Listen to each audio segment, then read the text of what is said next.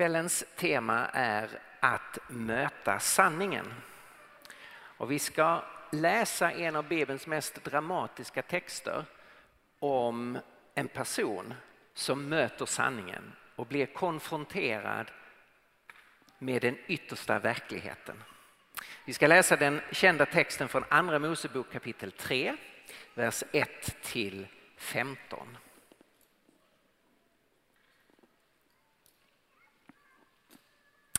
En gång när Mose vaktade fåren åt sin svärfar Getro, prästen i Midjan, drev han dem till andra sidan öknen och kom till Guds berg, Horeb. Där visade sig en Herrens ängel för honom i en eldslåga som slog upp ur en törnbuske.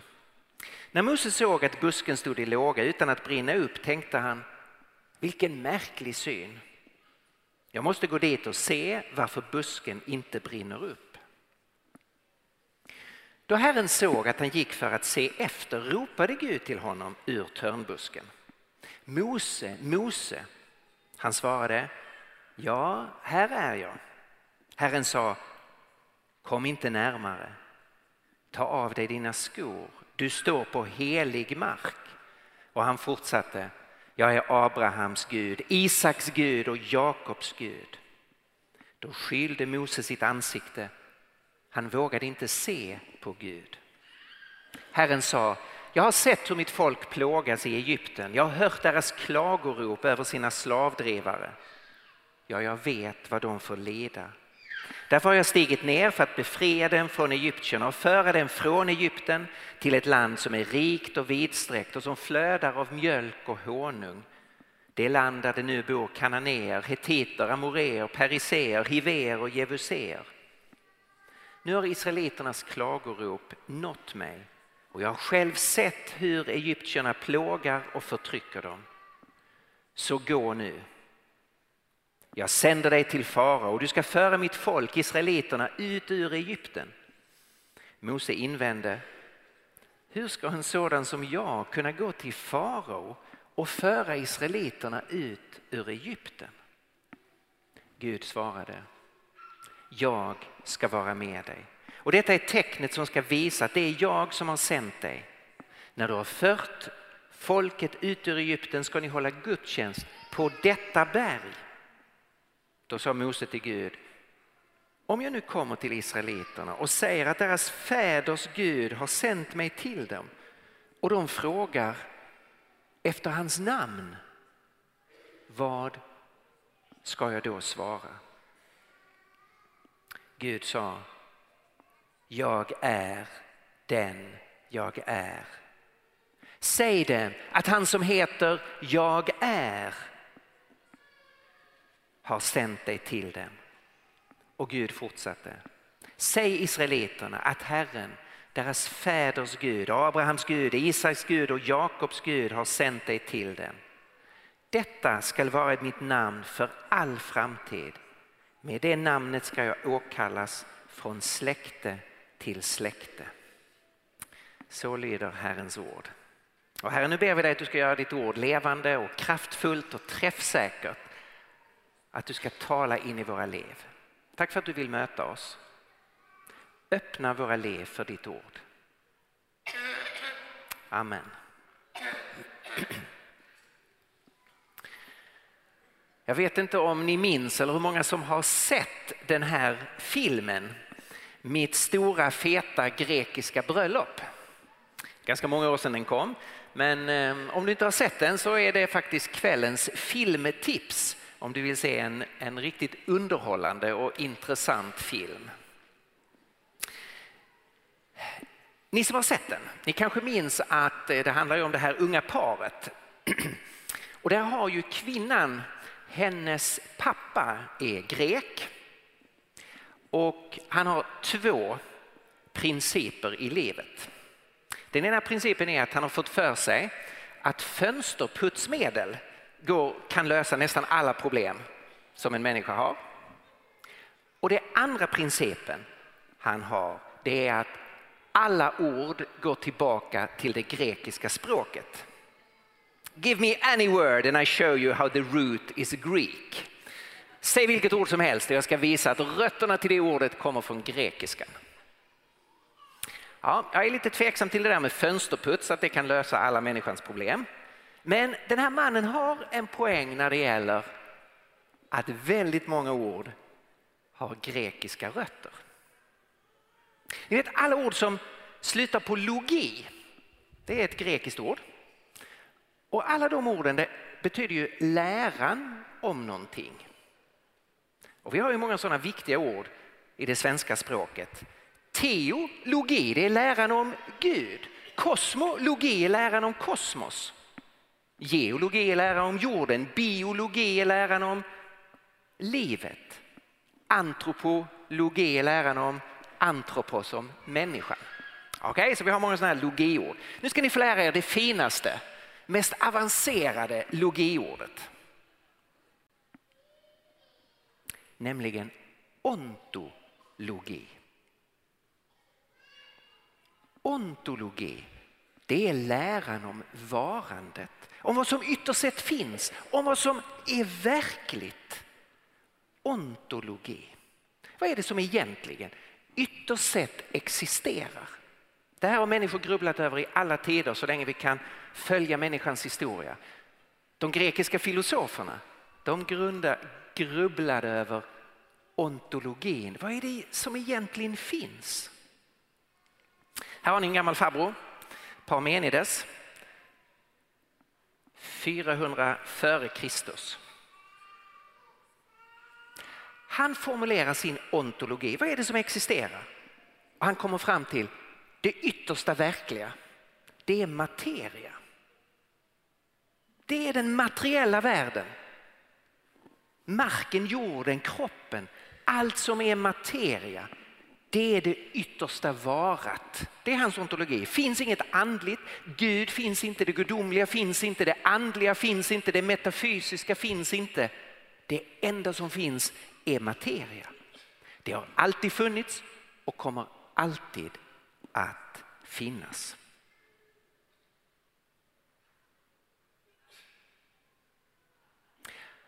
Han är den första filosofen som riktigt formulerar det här med ontologi. Han är en väldigt skarpsint tänkare. Han, han formulerar också den här tesen ur intet kommer intet. Ex nihil nihil fit säger man på latin. Ur intet kommer intet. Alltså om du har ingenting så kan inte någonting av sig själv komma ur ingenting. Och det betyder ju om allting startar med inget så fortsätter det med inget. Men idag finns det ju någonting, den här världen finns, det materiella finns ju. Då måste det ha varit evigt. Om principen gäller ur intet kommer intet, men idag finns det någonting, materia, så betyder det att materien alltid har existerat. Det intressanta och tragiska är att det som Parmenides formulerade för 2004 år sedan har idag blivit den dominerande tankegången i västerlandet. Och vi brukar kalla detta för naturalism. Att naturen är den yttersta verkligheten. Den har alltid funnits, kommer alltid att finnas och är det enda verkliga. Det är den tankegången som har kommit att ersätta kristendomen på så många håll i västvärlden. Nu tänker människor runt omkring oss som, som inte är kristna. De tänker så här. Det finns en massa saker som är viktigt för en människa. Mening och kärlek och värde och hopp. Och så tänker man, så finns det en del som väljer att lägga Gud på toppen. Det är någon liksom extra krydda som vissa människor behöver i sitt liv. Man tänker att Gud, det är lite som strössel på en mjuk glass. Det viktiga är liksom själva struten och glassen och sen kan du ju välja olika strössel som är på toppen och, några konstiga människor väljer Gud som strössel på sitt liv.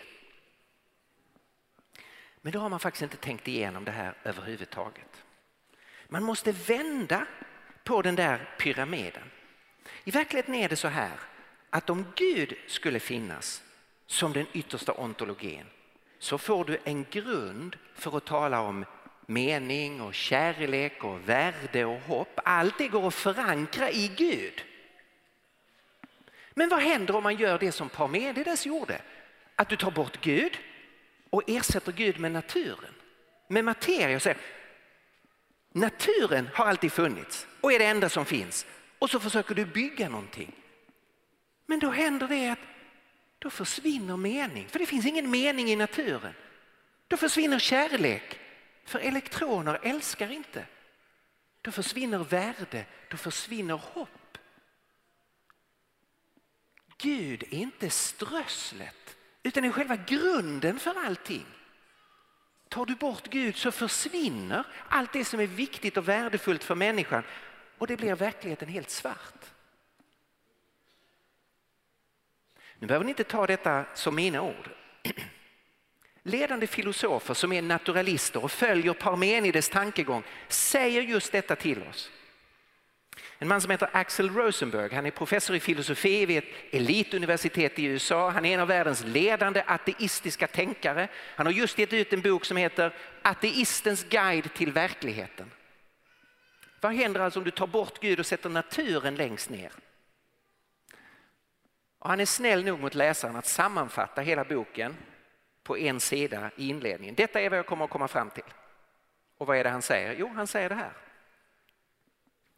Finns där en Gud? Nej. Vad är verklighetens natur? Vad fysiken säger att den är? Alltså det är materiellt.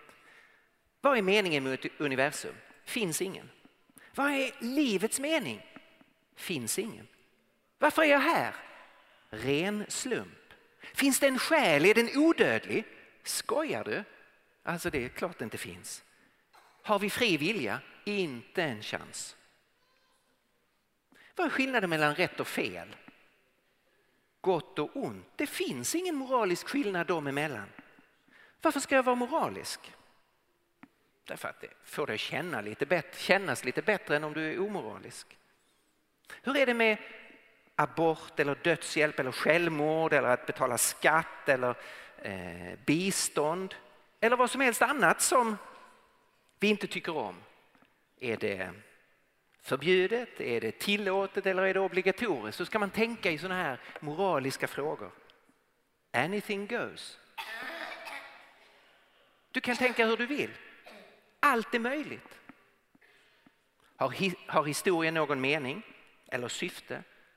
Han slutar med att citera en, ett avsnitt av Shakespeare eller en mening av Shakespeare. It's full of sound and fury but signifies nothing. Det är fullt av buller och bång men betyder ingenting. Så det är inte jag som kristen som säger att allt försvinner om du tar bort Gud.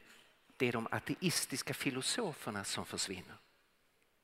Vad tragiskt att vår kultur har valt och gå tillbaka bara 2400 år till 400-talet före Kristus i Aten. Låt mig ta er med till en annan resa, tusen år tidigare i historien till Sinai berg, till berget Horeb. Och där möter vi en annan ontologi, en annan förståelse av livet. Från Aten till Sinai. Här möter vi en misslyckad person. Hans liv har egentligen fått en alldeles fantastisk start. Mot alla odds räddas han från döden som ett litet barn. Han får växa upp i den mest privilegierade miljön på slottet hos farao. Han får all utbildning, all träning. Han har hela framtiden är krattad för honom. Och så ödelägger han allt genom att mörda en person. Och han får fly från sin bakgrund, från sin familj, från sitt land, från sitt folk.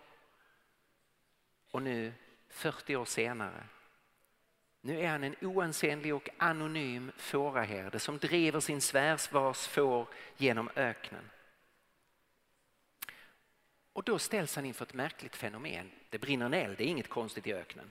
Det kan, eh, det kan ta fyr i torkan och hettan. Men han noterar att busken som brinner förtärs inte av elden. Vad är detta? Och han går närmre och när han kommer nära förstår han att han är ställd inför en verklighet större än han själv. Och så kommer det utspinna sig ett av världshistoriens mest laddade samtal när Mose konfronteras av Gud. I det här samtalet så är det frågan om identitet som kommer att stå i centrum. Vem är egentligen Mose? Och ännu mer, vem är det egentligen som möter Mose i den brinnande busken?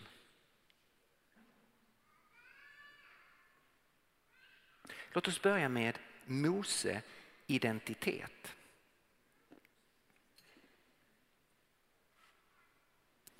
Mose drar sig in i det här samtalet. Han får uppdraget att befria Israels folk. Han ska gå till farao. Och Mose inser ju det omöjliga i detta. Hur skulle han kunna gå till farao? Han själv, Mose, är maktlös. Och farao representerar den tidens stormakt. Och Mose frågar, vem är jag? Att jag skulle gå till farao och att jag skulle föra ut Israels barn ur Egypten. Ni ser hela fokus ligger på hans identitet. Vem är han?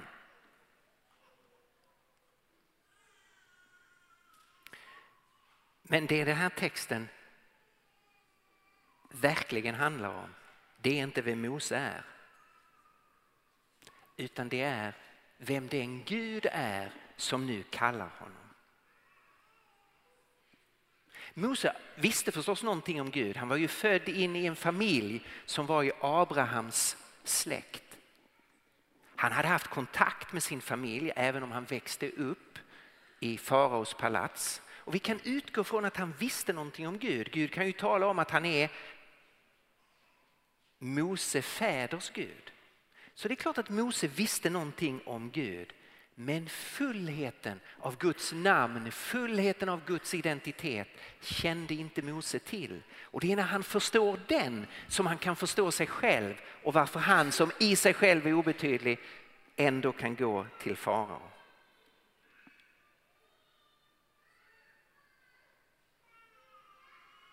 Mose ställer frågan, om jag nu kommer till farao, nej om jag nu kommer till israeliterna och säger era fäders Gud har sänt mig. Och de då frågar, vad är hans namn? Vad ska jag då säga? Alltså det här är ju en fråga efter Gud, vem är du? Avslöja din identitet, säg mig ditt namn.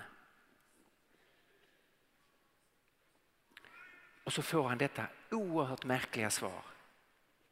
Att Gud svarar, mitt namn är Jag är. Hans namn är varande. Han får inte sin existens, du och jag.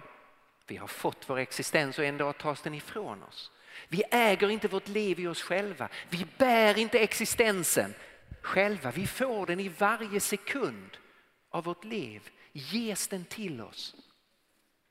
Nu är Mose ställd inför honom som är, som är varande i sig själv Fyra gånger finns verbet för varande, jag är, i texten. Gud är den yttersta ontologin, det som ytterst sett finns och som är evigt och sen som har låtit annat bli till som den materiella världen och du och jag. Men materia är inte det yttersta.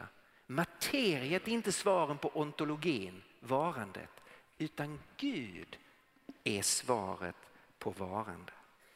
Och det är detta som sen blir Guds namn. De fyra hebreiska konsonanterna JHVH. Vi kan gissa hur det skulle uttalas men vi vet inte fullt ut. Men det är Guds egennamn, vad Gud heter. Och det betyder jag är. Det här namnet finns en hundratals gånger i Gamla testamentet. Och i våra översättningar så skrivs det ju ofta som Herren med versaler för att vi ska förstå att det är Guds egen namn jag är. Och Gud säger till Mose, detta, alltså jag är, skall vara mitt namn för evigt och så ska man åkalla mig från släkte till släkte. Och sen ser vi det genom de bibliska skrifterna. Många ställen i Jesaja så står det, jag är Herren detta är mitt namn. Och Herren, då står det de här fyra bokstäverna JHVH. Han som är. Låt mig läsa några rader från en predikant på 1800-talet i Skottland. Så när han ska förkunna den här texten säger, han heter Alexander McLaren. Elden som brinner men inte brinner upp, som inte förbrukar sin energi och inte töms genom sin aktivitet är en träffsäker symbol för det enda väsende som härleder sitt ursprung och sin källa enbart från sig själv. Som ensam kan säga jag är det jag är. Hans väsens natur, grunden för hans existens, källan till hans vara, de enda villkoren för hans existens är allt inneslutet i hans egen natur. Du och jag måste säga, jag är den som jag är född till. Eller jag är den som jag har blivit. Eller jag är den som omständigheter har gjort mig till. Han ensam kan säga, jag är den jag är. Alla andra varelser är länkar, sammanlänkade med de som kom före och de som står bredvid. Han är fästet, ankaret som alla länkar går tillbaka till. Allt annat är härligt och därför begränsat och föränderligt. Han är icke härledd, oberoende och suverän och därför oföränderlig för evigt. Eftersom vi lever dör vi. Livet är en process som oundvikligt har döden som sitt slut. Men Gud lever för alltid. En flamma som inte brinner ut. Därför att hans resurser är outtömliga, hans makt är outtröttlig. Han behöver ingen vila för återhämtning av slösad energi. Hans gåvor minskar inte i takt med han bortskänker dem. Han ger och inte fattigare. Han arbetar och blir aldrig trött. Han är aktiv men aldrig utarbetad, aldrig utbränd. Han älskar och han älskar evigt. Genom alla år brinner elden outtömlig, oförstörd. Det är detta som Johannes möter i Uppenbarelseboken. När Herren säger jag är A och O, säger Herren Gud. Han som är och som var och som kommer. Allhärskaren.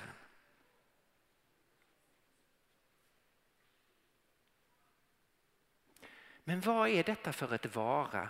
Detta som är källan till all annan existens. I texten ser vi fyra aspekter av det yttersta varat.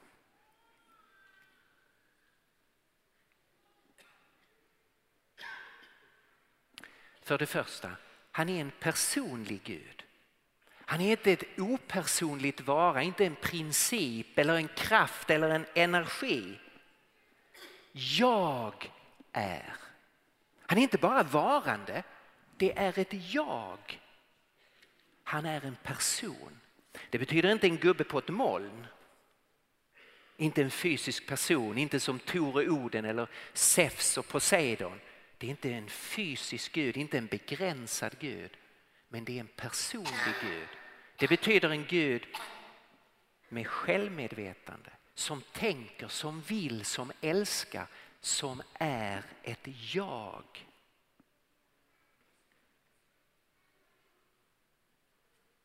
Och nu kallar han Mose till en relation till sig själv. Kom! Och han kallar människor till sig. Och det har han gjort genom hela historien. För han har skapat oss som personer. Och han som är den personliga guden säger till oss, kom! Träd nära. Därför att han vill relatera sig själv till oss. Gud kallar oss till sig. Kanske är det någon här som känner sig övergiven som kan identifiera med Mose 40 år i öknen och man känner vad blev det av mitt liv? Det är förspilt. Då vill Gud säga någonting till dig. Han kallar sig till dig. Kom till mig. Därför att han vill återknyta dig till sitt liv. För det andra så är han historiens Gud. Denne personlige Gud som har låtit denna värld bli till. Han sitter inte bara utanför och tittar på det som nu försiggår, det elände som vi människor och andra fallna varelser har dragit in i världen. Han har engagerat sig i historien. Det är det första han säger till Mose. Jag är din faders Gud, Abrahams och Isaks och Jakobs Gud. Han är den Gud som har valt att träda in i historien och arbeta med individer nere på markplan. Att bygga ett folk. Och trots att det är syndare, för det är den enda sortens människor det finns att ha att göra med. Trots att det är bräckligt och ofta smutsigt och otillräckligt så väljer Gud att vandra med sitt folk. Och nu ska någonting nytt och viktigt ske. När israeliterna ska befrias ur Egypten och Gud ska sluta förbundet på Sinai. En viktig del av den stora plan som Gud har för människans historia. Så är enligt kristen tro så är historien en scen där vi just nu spelar och har vår roll och där det är viktigt vad vi gör. Där vi har ett mått av frihet. Vi befinner oss mitt i ett stort drama. Det är därför det är så viktigt att ta sitt liv på allvar. Mose kunde ha skakat på axlarna och gått vidare och aldrig gått till den brinnande busken. Så kan man göra, man kan skaka av sig när Gud kallar på en. Men då begår man ett gigantiskt misstag. Historien är en scen där vi är medaktörer. Och nu kallar Gud på oss. Och nu vill Gud vandra med oss. Vi har ju den enorma fördelen som Mose inte hade, att vi vet vad som har hänt sen.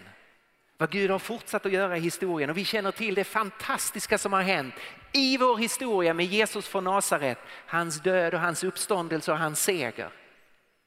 Mose fick spela en roll där i för länge sedan i historien. Nu finns vi efter alla de här händelserna och nu kallar Gud oss att spela en roll där han har placerat oss.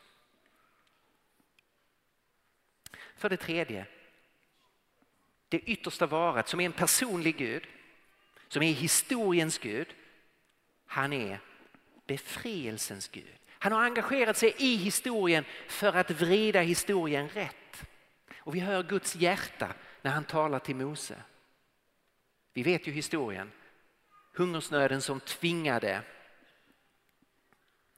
eh, som tvingade Josef och bröderna och, och pappa Jakob att komma ner till Egypten. Den fortsatta olyckliga historien där folket förslavas och i århundrade sitter i elände. Men de är inte övergivna. Så vad är det Gud säger?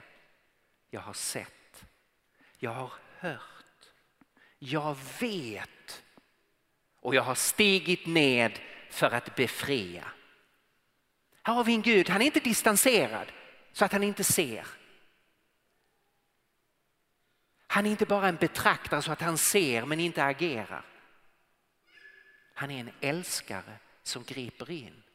Han ser, han hör, han vet och han kommer förr eller senare att agera. Visst finns det många situationer där vi tycker Gud skulle ha agerat snabbare. Det tyckte säkert israeliterna i Egypten. När de väntade, varför gör han ingenting? Visst, så kan det vara. Men förr eller senare griper Gud in och nu har ögonblicket kommit när han stiger ner för att befria israeliterna. Gud är en god Gud, inte en likgiltig betraktare. Gud är ljus, står det i första Johannesbrevet och inget mörker finns i honom. Gud är kärlek, men inte som en sentimental känsla. Gud är kärlek in action. Första Johannes igen säger så har vi lärt känna kärleken att Jesus dog för oss. Det som Gud säger till Mose gäller också i våra liv. Gud säger till oss, jag har sett, jag har hört, jag vet. Jag är på din sida och jag har stigit ned för att befria. För det fjärde, det yttersta varat, han som är av evighet, som är en personlig Gud, som är historiens Gud, som arbetar i vår historia, som är befrielsens Gud, som kommer arbeta i historien för att ställa allt till rätta och upprätta sin värld. Han är för det fjärde en helig Gud. Tänkte ni på det motsägelsefulla? Kom Mose, kom närmare. Och sen plötsligt, kom inte närmare. Vad, vad, vad försiggår här? Varför ska han komma nära och sen får han inte komma nära? Ta av dig dina skor, du står på helig mark. Att Gud väljer att manifestera sig som en, i en brinnande buske som inte brinner upp, det är suveränt så som det som Gud gör är suveränt. Detta att, att busken inte brinner upp, att elden inte slocknar, det är ju en oerhört stark symbol för Guds varande. Att han är en existens som aldrig kan ta slut. Men elden har ju också en annan symbolik. För oss människor så är ju eld någonting oerhört attraktivt. Tänd en eld, det vet vi här i Norden en, en kväll. Människor samlas ju runt elden därför att det är vackert, och det värmer. Eld drar oss till sig. Men vi vet också, och vi i Sverige vet det extra noga efter skogsbränderna i somras. Eld är förtärande och farligt. Man kan inte leka med elden. Elden kan besegra en. Elden kan förinta en. Man är som människa hjälplös i fel relation till elden.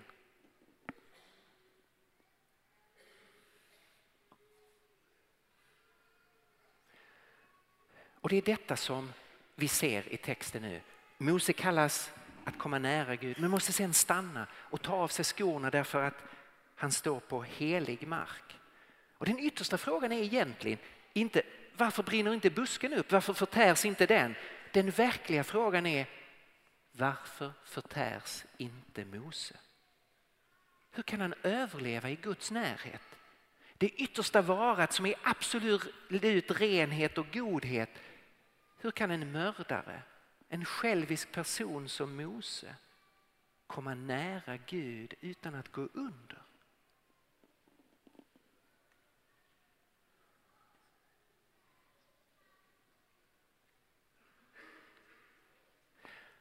Om Gud är absolut godhet så kan han inte förenas med det onda.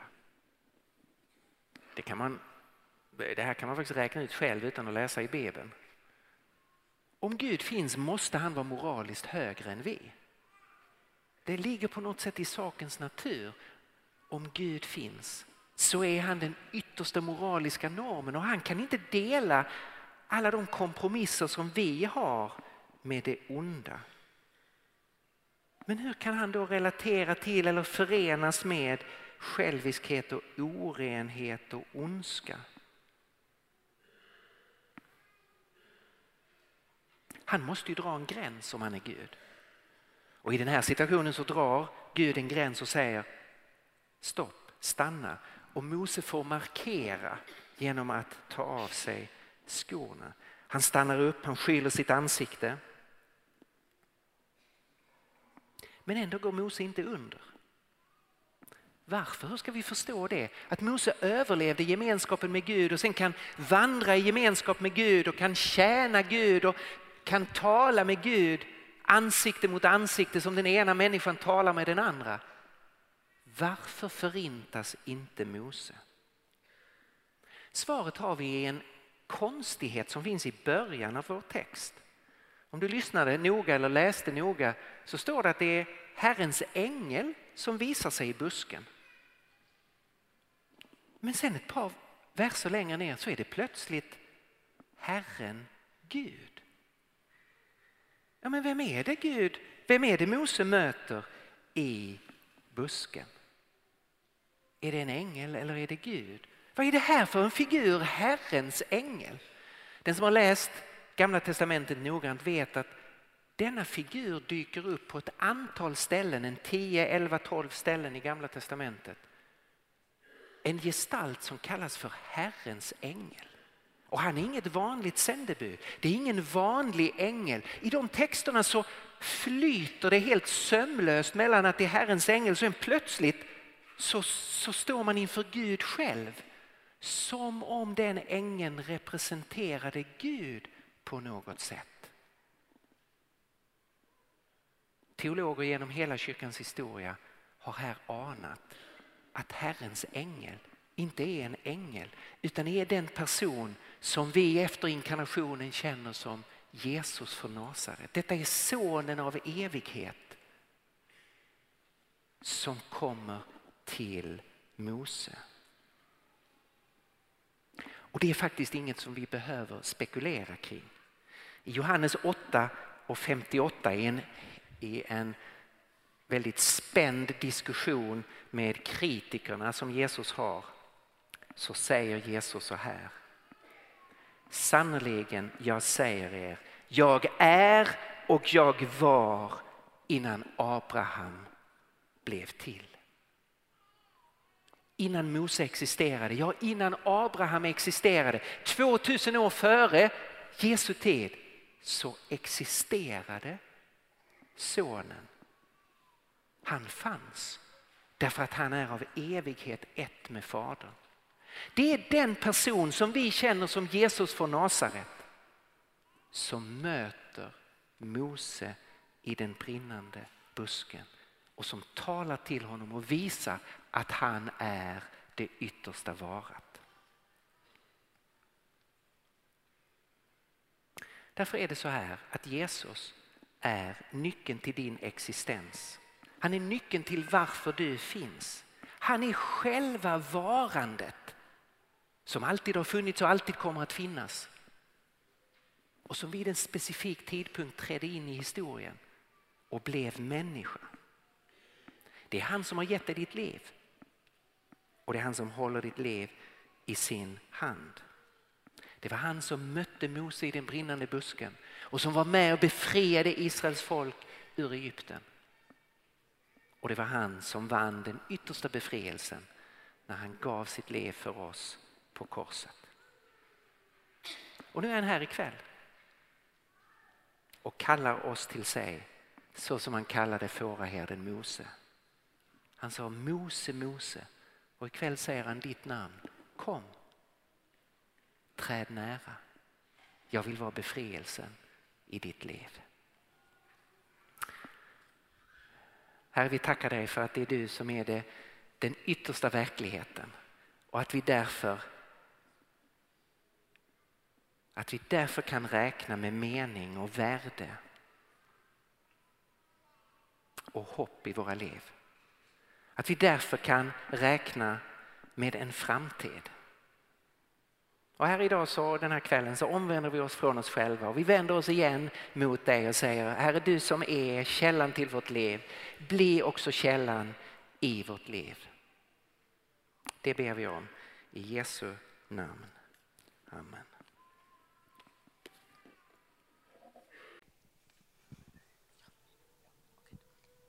Ja, Israel firar ju detta år 70 år som självständig stat och vi tyckte att vi ville då förstås uppmärksammade också här på kyrkhelgen. Och, och därför är vi jätteglada att Thomas Sandell hade möjlighet att vara medverka här idag. Du lär vara hemma från Karleby, från Soka, den lilla, ursäkta, stora, gårdstora byn Soka. Det där, men när du hamnar i en större by, du arbetar i Bryssel och New York. Man kunde säga som en röst för Israel. Hur har du hamnat där och vad gör du egentligen där? Ja, tack. Jag tänkte alldeles från början när jag hörde att jag presenterades från Karleby så tänkte jag nog göra den här eh, rättelsen. Det var väldigt viktigt när jag växte upp här i Karleby att, att man var inte från Karleby, man var från Soka. Det blev alltid en rättelse i skolan, så att nej, inte du från Karleby, du är från Soka. Och jag har hållit fast vid det där och jag är fortfarande väldigt stolt över det, att jag är från, från Soka. Eh, men hur hamnade jag då i, i Bryssel och, och New York? Kanske jag tar några minuter och, och, och, lite försöker berätta.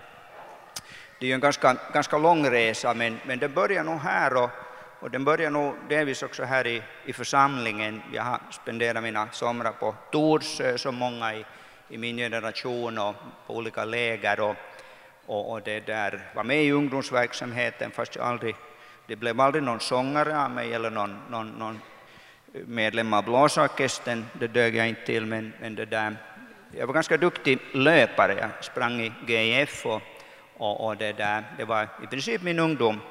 Sen eh, studerade jag statskunskap i Åbo akademi och det var två väldigt bra saker som hände under de åren. Det första det var det att jag hittade kärleken, min fru, som jag är gift med nu i 28 år. Och, och det andra var faktiskt det att jag upptäckte tron på allvar. Och det som kanske är bryggan mellan, mellan åren i Åbo, där jag finns idag, det var det att under de här åren, det här var alltså slutet av 80-talet, så var jag med på bönemöten eller andliga möten som den här och, och, och där satt man och bad på fullaste allvar och man trodde sig veta att Berlinmuren skulle rasa, falla ner och att de här judarna som i, i årtionden hade varit då i Sovjetunionen under väldigt svåra förhållanden, att, att de skulle komma ut ur Sovjetunionen.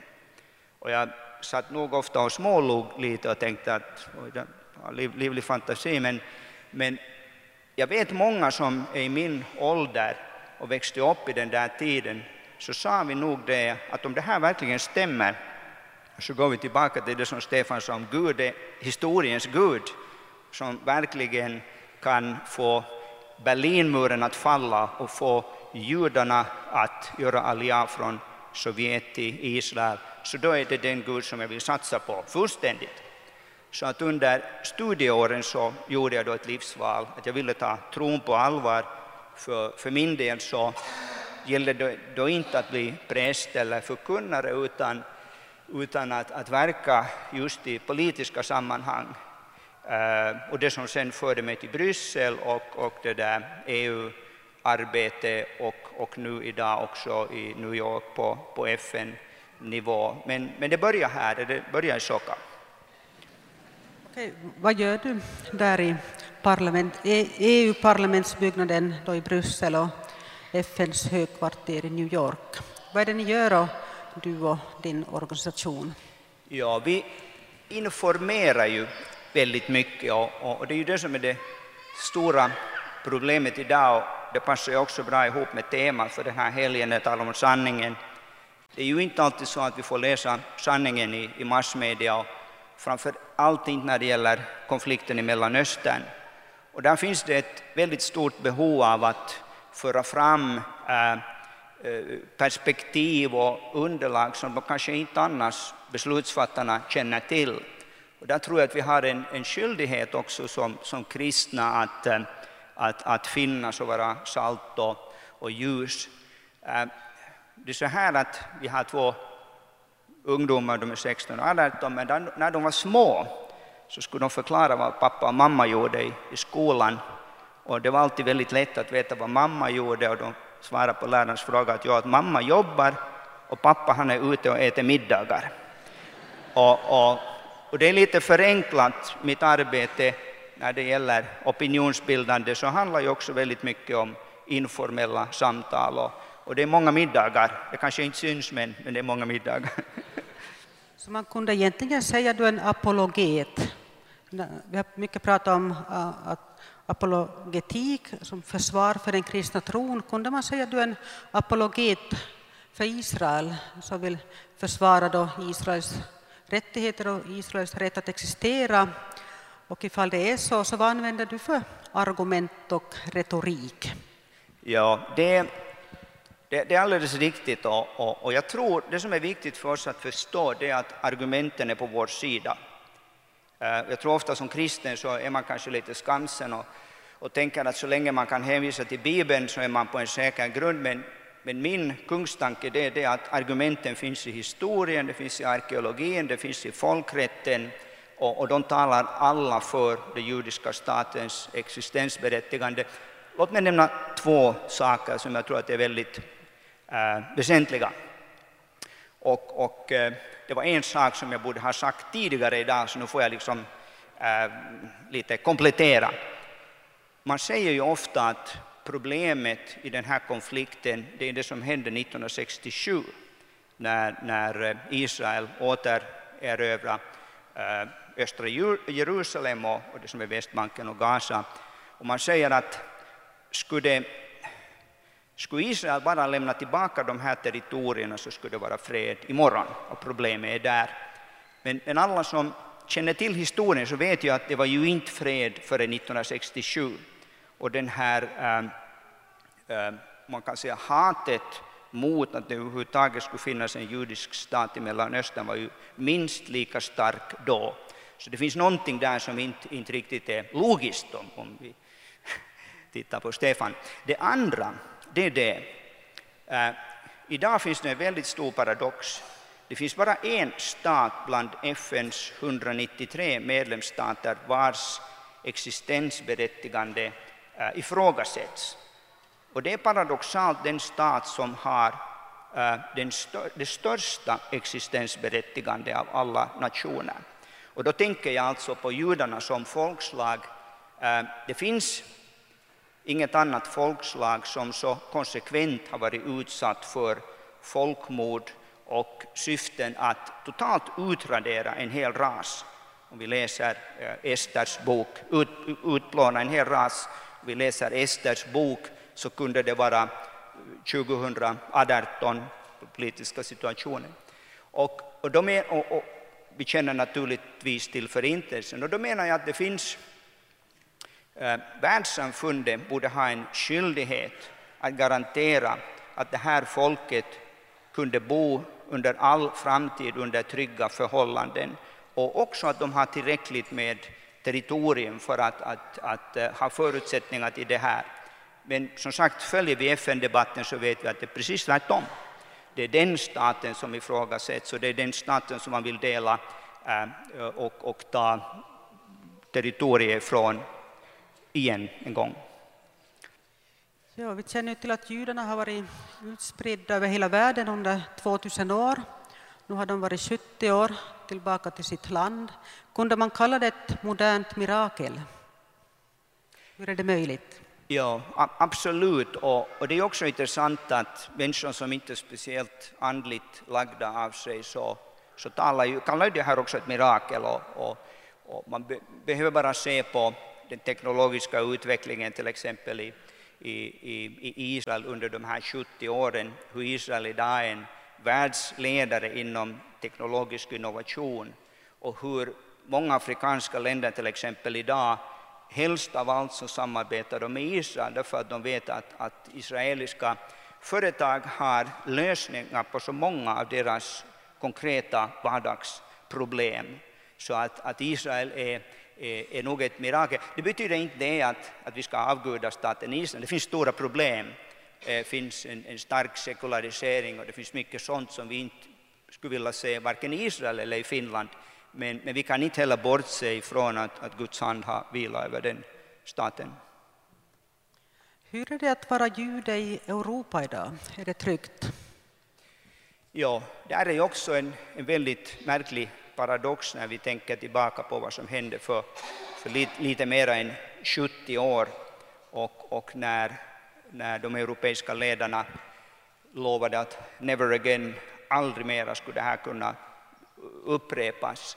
Och, och, på samma gång så ser vi att, att judarna under andra världskriget aldrig har känt sig så utsatta som de är idag.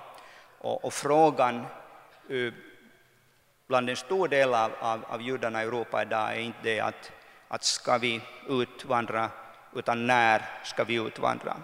Därför att man känner sig inte trygg längre i, i, i stora delar av eh, Europa när EU-kommissionen gjorde en undersökning för några, det var redan fem år sedan, så var det redan två tredjedelar av alla belgiska judar som hade eh, funderat på att, att utvandra. Nu kommer det en ny undersökning bara om några månader och man, man befarar att resultaten kommer att vara betydligt värre. Det, det, som har hänt under de här fem åren det är ju det också att de här, eh, terrorismen i Europa har, hade där ökat och där har judarna naturligtvis då varit måltavla. Så man kan säga att antisemitismen har inte dött ut eller har den bara tagit nya former idag? Ja, det, det stämmer också och jag brukar ofta citera eh, förra överrabbinen i, i Storbritannien, eh, Lord Sachs, Jonathan Sachs, som, som visar på till exempel tre faser av, av antisemitism. Han sa att på, på, på medeltiden så, så det där, hat, var man antisemit därför av religiösa skäl. Och man sa att, att vi har ingenting emot judarna men vi hatar deras religion och det var de som, som dödade Jesus. Sen när religionen fick en, en mindre viktig funktion i samhället så, så blev det rasbiologiska motiveringar.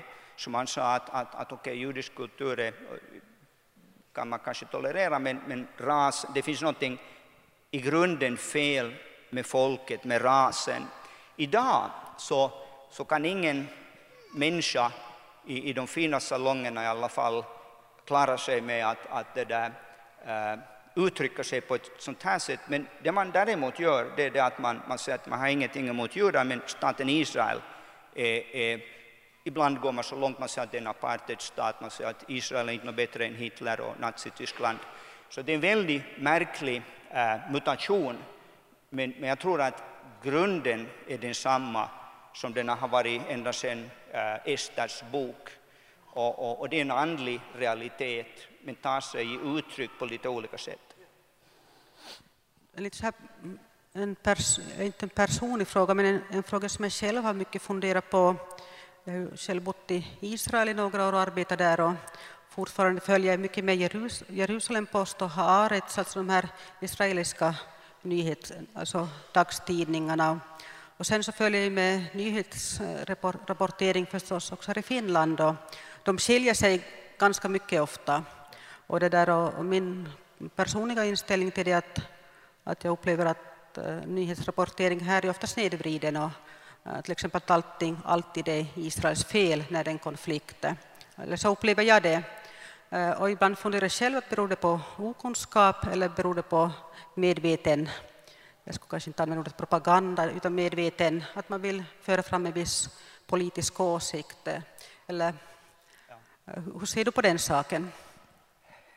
Ja, för, för det första så, så, är det alldeles riktigt det du säger att och det finns otaliga exempel på journalister som, som har jobbat professionellt där nere och har kommit med någon story och sagt att det här såg jag idag, det här vill jag rapportera om, men där äh, nyhetschefen säger att nej, det där passar inte. Och min, min goda vän Lars Adaktusson som, som är, varje Europaparlamentariker och kom in i svenska riksdagen har berättat exempel efter exempel och det finns andra journalister. Varför? Eh, det är en lite mer komplicerad fråga. Jag tror också här så finns det delvis ett vetenskapligt svar.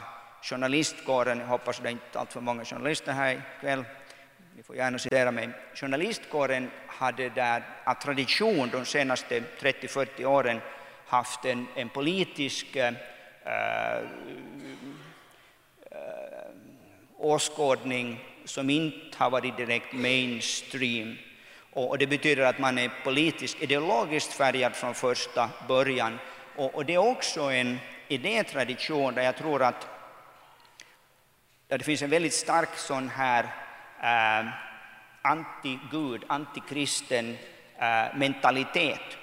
Och i den mån det finns det så betyder det också, så blir staten Israel alltid väldigt äh, problematisk. För att man kan ju inte, ett land som man inte kan förstå om man inte läser Bibeln, för det handlar ju, hela deras historia är ju Israel. Så att det finns på ett sätt med i det paket som man opponerar sig mot, i, i, det finns i ryggmärgen. Äh, och, och, och det är också intressant hur det ofta hänger ihop då också med ens uppfattning i andra stora moralisk-etiska frågor som, som livets okränkbarhet. Eh, vi ska, ja, en, ett par frågor till. Jag märker att tiden går här. Vi kunna, det här skulle man kunna höra mera om.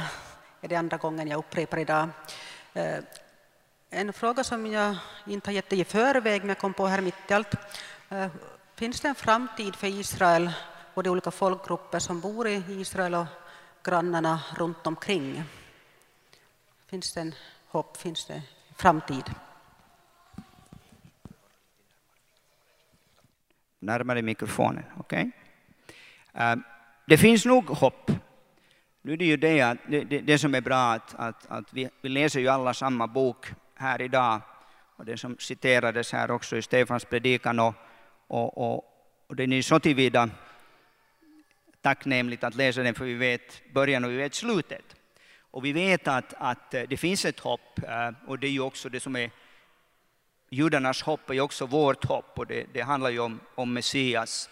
Det betyder inte det att, att vi ska vara passiva och, och sitta och, och, och vänta eh, under tiden, utan det som är mitt livskall, jag brukar ofta gå tillbaka till, gjorde jag tidigare idag, till konferensen i Evian 1938, när hela frågan som gällde judarnas framtid i Europa och i Tyskland skulle avgöras.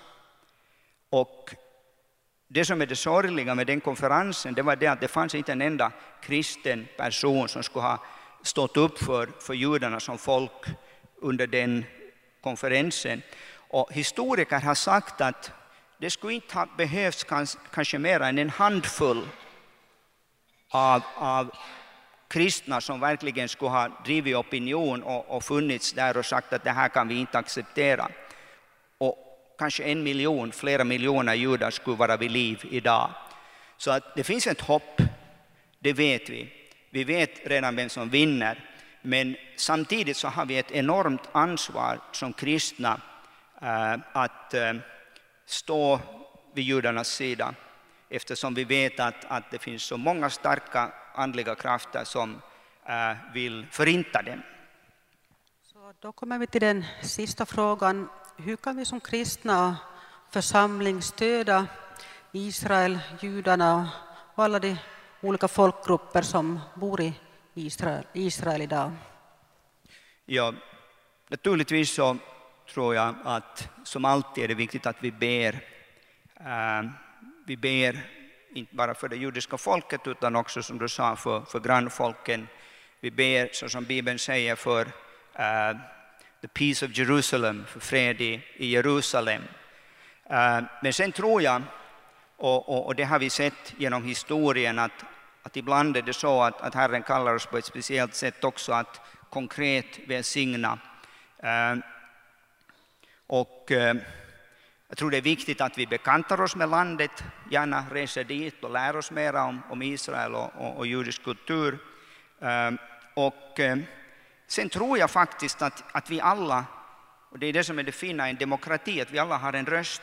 Vi kan alla skriva en insändare, vi kan alla ringa ett telefonsamtal till vår riksdagskandidat och, och på olika sätt när vi märker att, att, att det judiska folkets rättigheter inte äh, erkänns. Och, och Gud, Gud förbjuder, men om det är så att det kommer tider där antisemitismen blir en, en, en realitet igen. Eh, sen kan vi också säga det som jag började med, att, att, att uh, judarnas uttåg ur Sovjetunionen, eh, det som är Ryssland idag, uh, där tror vi att, att, att det kommer en fortsättning och, och där kan det handla om mycket, mycket konkreta handlingar från, från vår sida. Ja, vi säger ett stort tack till Thomas och vi tänkte nu fråga, vill du här till avslutningsvis leda oss i bön för Israel och det judiska folket? Var det en fråga eller uppmaning?